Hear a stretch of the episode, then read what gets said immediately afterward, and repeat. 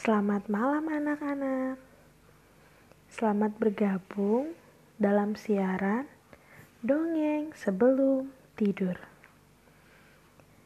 Sebelum mendengarkan dongeng, Ibu mau tanya, apakah anak-anak sudah gosok gigi?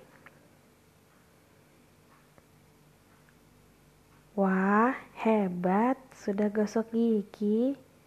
Bagi yang belum, Jangan lupa untuk gosok gigi ya.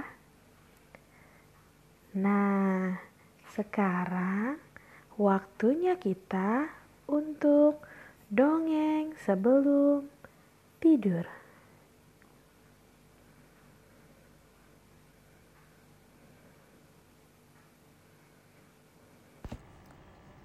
Kali ini, Ibu Uni akan bercerita dengan judul Aku pasti bisa.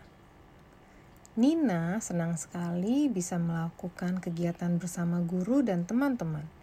Walaupun hanya bertemu lewat Zoom, demi kebaikan bersama dan mencegah penularan virus, maka Nina dan teman-teman harus melakukan kegiatan sekolah di rumah. Hari ini, Nina akan melaksanakan kegiatan menggambar bersama teman-teman dan ibu guru lewat Zoom. Nina dan Mama sudah mempersiapkan peralatan yang diperlukan di malam sebelumnya supaya tidak ada yang terlupa.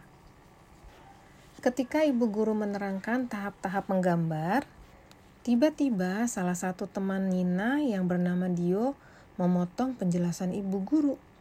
Katanya, "Ah, aku kan tidak bisa menggambar, Bu.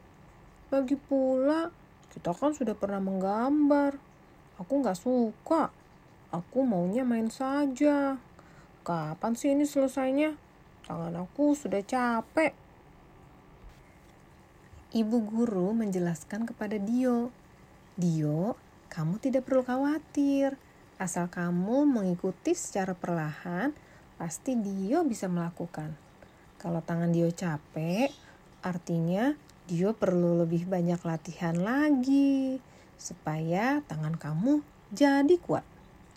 Dan kegiatan menggambar ini kan hanya sebentar. Setelah menggambar, Dio bisa kembali main dengan teman-teman.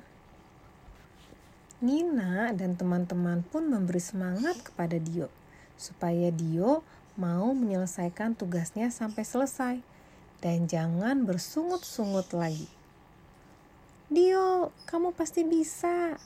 Ayo kita selesaikan sama-sama gambarnya, kata Nina. Akhirnya Dio pun mau mendengarkan ibu guru dan mengikuti kegiatan menggambar sampai selesai. Ketika Dio melihat hasil karyanya, Dio tersenyum bangga karena ternyata dia bisa menggambar dengan baik dan rapi. Wah, ternyata aku bisa ya, asalkan Aku mau mencoba dan berusaha.